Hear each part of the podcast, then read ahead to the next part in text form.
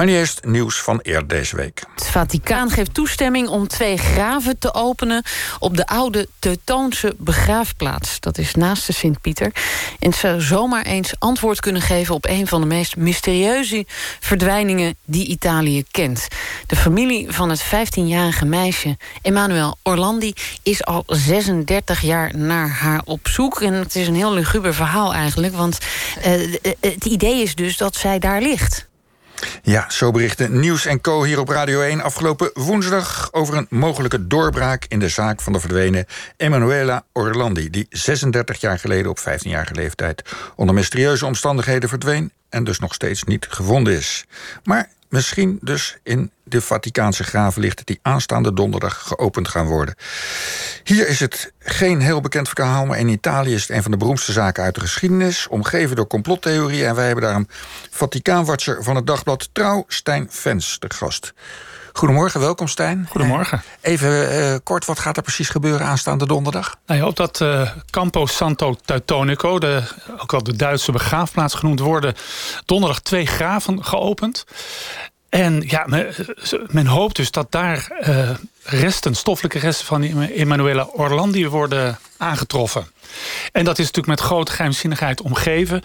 Uh, de, de familie zal erbij zijn, de advocaat, uh, mensen van het Vaticaan. Uh, dat Zo'n graf openen vereist ook, ook een zekere techniek. Dus uh, ja, ik, ik zou zelf willen dat ik even om een hoekje mee kon kijken. Ja, ja, ja, want hier is het een klein berichtje in de kranten geweest. Maar in Italië is het echt groot nieuws, hè? Ja, in Italië is het een van die mysteries die... ja, je, je, zei het zelf al, 36 jaar eigenlijk duurt dat mysterie al voort. En dat, dat komt af en toe weer op. En eigenlijk bij elk elke botte, elke, elk bot dat ergens in Rome gevonden wordt, wordt de link naar Emanuele Orlandi gemaakt. Dus dat is ook het, het, het, het leidt af en toe op dit uh, verhaal met enige regelmaat. En als je in een Romeinse boekhandel binnengaat, dan staat er een hele plank met boeken inmiddels over dit uh, eh, 15-jarige meisje. En ja. ze zou trouwens nu 51 zijn geweest.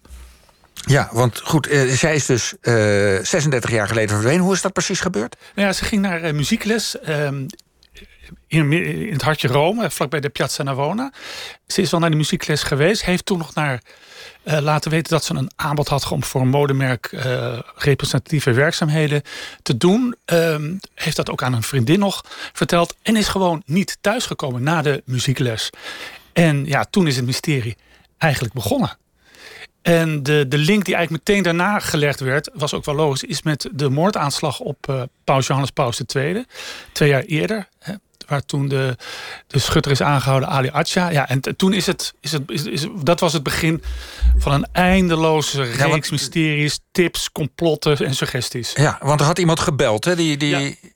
Die zei: We hebben haar gekidnapt en uh, laat deze man vrij. Ja, het zouden grijze wolven zijn geweest. Ja. En het, was een soort, het zou een soort ruilmiddel geweest. Dat was in die zin niet zo gek, omdat haar vader werkte in het Vaticaan. Sterker nog, de familie woonde in het Vaticaan. Ja, zij was geboren en getogen in het Vaticaan. Geboren, geboren en getogen ja. in het Vaticaan. Haar moeder heeft, heeft, woont er volgens mij nog misschien dat ze is overleden, maar ze heeft er heel lang, heeft er nog steeds, heeft er heel lang gewoond. Ja, en die, die link werd snel gelegd. En die, die Ali Atja variant, dat zeggen, mm -hmm. die, die moord aan die link legde tussen de verdwijning en de moordaanslag op Johannes Paus II, heeft heel lang geduurd en heeft die schutter ook zelf aan meegewerkt. Hij heeft regelmatig uh, verklaringen, verhalen de wereld ingeslingerd, die dan weer afweken over dat het een soort ruilmiddel was.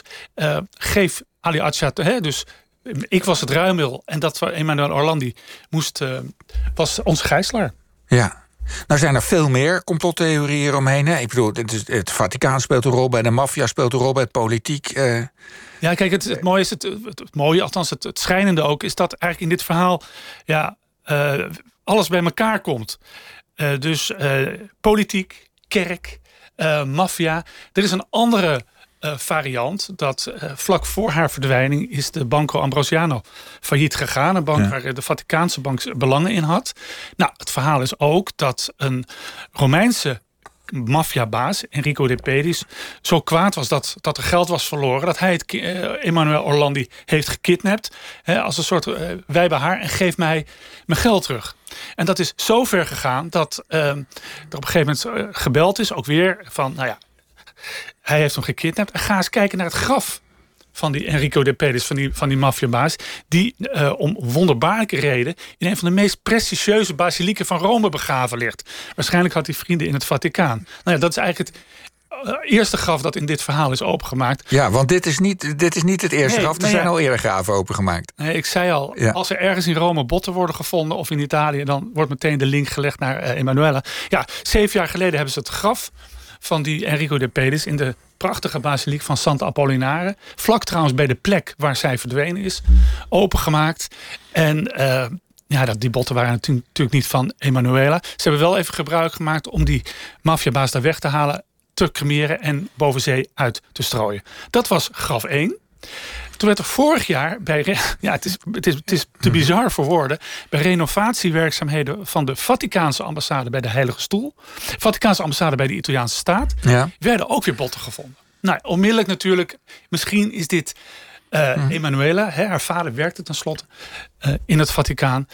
Nou ja, die botten zijn onderzocht en het bleek van veel oudere botten zijn en bovendien van een man. Ja. Het was graf 2 en we krijgen donderdag dus het volgende graf. Ja, want, want die betrokkenheid van het Vaticaan. Uh, er, er, gingen ook geruchten dat, er, uh, dat ze misbruikt was op seksfeesten op het ja, Vaticaan. Hoe zit dat precies? De, de, de beroemde uh, exorcist, duivelsuitdrijver, Gabriele Amort, heeft vlak voor zijn dood ook dat verhaal de wereld ingeslingerd. Dat ze als speeltje zou zijn gebruikt bij seksfeesten.